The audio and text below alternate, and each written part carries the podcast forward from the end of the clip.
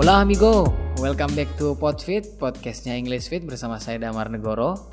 Well guys, in this podcast we are going to learn about present perfect. Baik teman-teman, di Podfit kali ini kita akan belajar bersama tentang present perfect. Oke, okay, a present perfect is tense that is used to indicate an action or situation that occurred in the past but still has relevance in the present.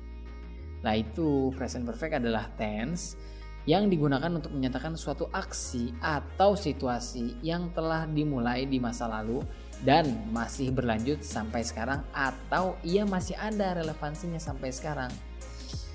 Nah begitu ya. This tense at least has three function. Jadi kurang lebih hmm, si tenses ini tuh ada tiga fungsi. Nah sekalian contohnya gitu. Yang pertama, to express that something happened at an unspecified time in the past. Nah, fungsi yang pertama adalah mengungkapkan sebuah kejadian yang telah terjadi tanpa menyebutkan kapan waktu terjadinya. For example, contohnya, she has got married. Dia telah menikah. Aduh, ditinggal rapi piat ini. Ambiar ya, ambiar wes. So, the second function, fungsi yang kedua adalah repetition. To show an activity that happened many times. Untuk menunjukkan bahwa suatu aksi telah terjadi berulang kali. For example, contohnya, Dipa Barus and Monica Karina have performed Mania Honey many times. Dipa Barus dan Monica Karina telah menampilkan lagu Mania Honey berkali-kali. I got money, honey, ain't that funny how we'll spend time to get some rhyme. Yoi. Yang apa namanya tahu lagunya bolehlah singelong gitu kan nyanyi bareng di sini. Terus yang ketiga, to talk about finished event with words that mean at any time up to now. Jadi untuk membicarakan peristiwa yang terjadi belum lama ini, nah biasanya itu dia ada adverbnya, keterangannya yaitu recently atau lately. Contohnya, have you listened to Jonas Brother recently? Apakah kamu mendengarkan Jonas Brother baru-baru ini? Tahu kan Jonas Brother yang lagunya Sucker tuh. Nah, gak usah dinyanyiin lah, susah lagunya. Eh, soal lagunya susah, soalnya vokalnya si Jonas Brother tuh mirip-mirip Adam Levine gitu kan.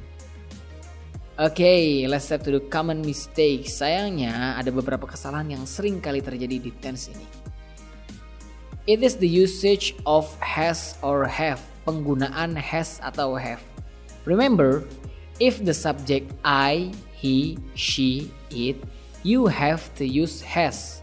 Jadi kalau subjeknya itu I, he, she, it, nah itu pakainya has ya. And if the subject they, we, you, you have to use have. Nah, jadi kalau subjeknya itu adalah they, we, you, nah itu harus pakai have.